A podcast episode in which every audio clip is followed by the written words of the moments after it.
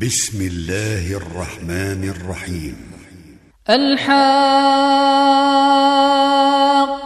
ما الحاقة وما أدراك ما الحاقة.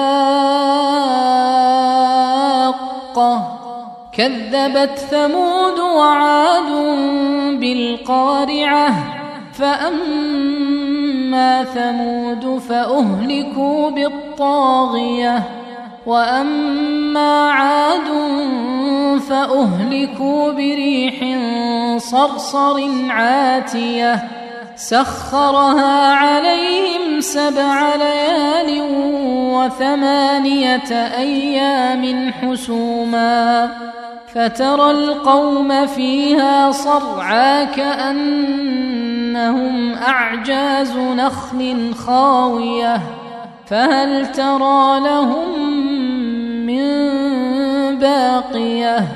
وجاء فرعون ومن قبله والمؤتفكات بالخاطئة فعصوا رسول ربهم فأخذهم أخذة رابية. إنا لما طغى الماء حملناكم في الجارية لنجعلها لكم تذكرة وتعيها أذن واعية فإذا نفخ في الصور نفخة واحدة وحملت الأرض والجبال فدكتا دكة واحدة فيومئذ وقعت الواقعة وانشقت السماء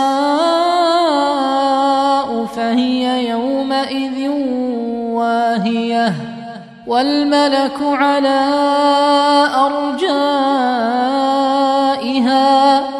ويحمل عرش ربك فوقهم يومئذ ثمانية. يومئذ تعرضون لا تخفى منكم خافية. فأما من أوتي كتابه بيمينه فيقول هاؤم كتابيه. إني ظننت أني ملاق حسابيه. فهو في عيشة راضية في جنة عالية قطوفها دانية. كلوا واشربوا هنيئا. اسلفتم في الأيام الخاليه وأما من أوتي كتابه بشماله فيقول فيقول يا ليتني لم أوت كتابيه ولم أدر ما حسابيه. يا ليتها كانت القاضية. ما أغنى عني مالية هلك عني سلطانية. خذوه فغلوه ثم الجحيم صلوه ثم في سلسلة ذرعها سبعون ذراعا فاسلكوه إنه كان لا يؤمن بالله العظيم ولا يحض على طعام المسكين فليس له اليوم هاهنا حميم ولا طعام إلا من غسلين لا يأكله إلا الخاطئون فلا أقسم بما تبصرون وما لا تبصرون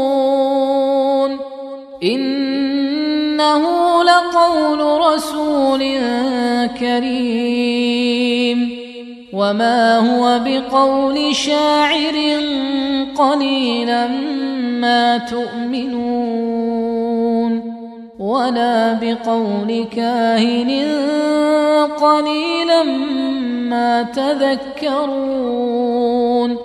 تنزيل من رب العالمين. ولو تقول علينا بعض الأقاويل لأخذنا منه باليمين ثم لقطعنا منه الوتين. فما منكم من أحد عنه حاجزين. وانه لتذكره للمتقين وأنا لنعلم ان منكم مكذبين وانه لحسره على الكافرين وانه لحق اليقين فسبح باسم ربك العظيم.